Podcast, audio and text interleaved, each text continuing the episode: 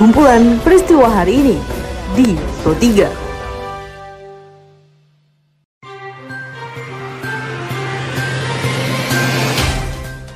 Halo, selamat berjumpa kembali di podcast Pro 3 RRI dengan kumpulan peristiwa yang terjadi pada hari ini.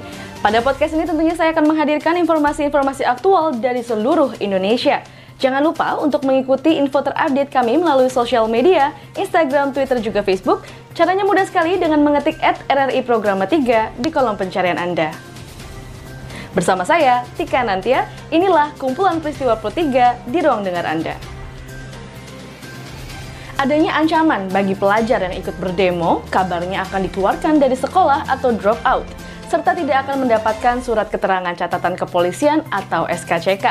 Hal ini dinilai tidak tepat dan juga berlebihan. Betulkah seperti itu?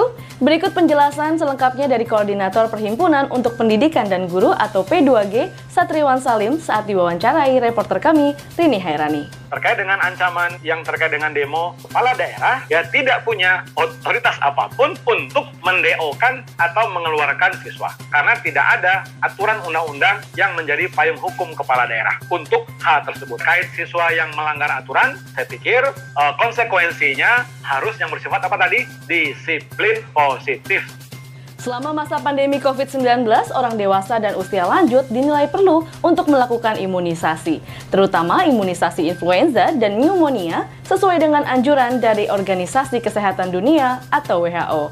Dokter spesialis anak Purnawati Sujud dari Yayasan Orang Tua Peduli mengatakan, pencegahan penyakit melalui imunisasi dinilai paling efektif dan juga efisien. Berikut penjelasan selengkapnya diliput reporter Noviana Gebi.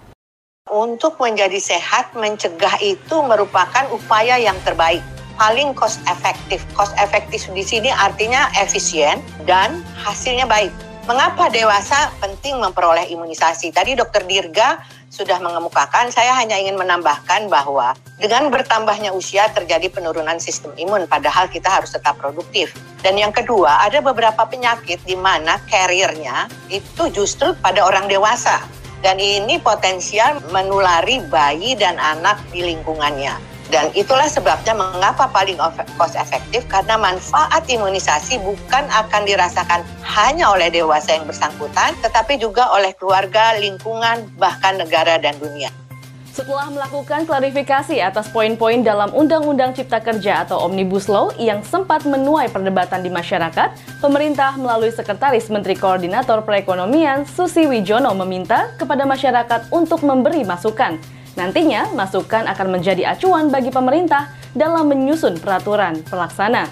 Dilaporkan reporter Marga Rahayu, pemerintah memastikan Undang-Undang Cipta Kerja atau Omnibus Law justru pro masyarakat diisukan cutinya hilang. Sebenarnya nggak yeah. ada sama sekali. Semuanya nggak ada. Jadi yang disampaikan pesangon dengan 32 kali maksimal ya itu ya. Itu di dalam pelaksanaannya di bawah 10% yang komplain dengan itu. Nah pemerintah kan juga prihatin. Buruh tidak mendapatkan haknya itu tujuan utama pemerintah itu justru membuat aturan yang realis yang kira-kira buruh betul-betul dijamin akan mendapat haknya. Sekarang ini pemerintah ikut bayari di sana menjamin supaya pengusahanya ikut membayar Juru bicara Satgas COVID-19, Profesor Wiku Adhisa Smito mengatakan, salah satu kriteria penerima vaksin adalah mereka yang sehat dan belum terinfeksi.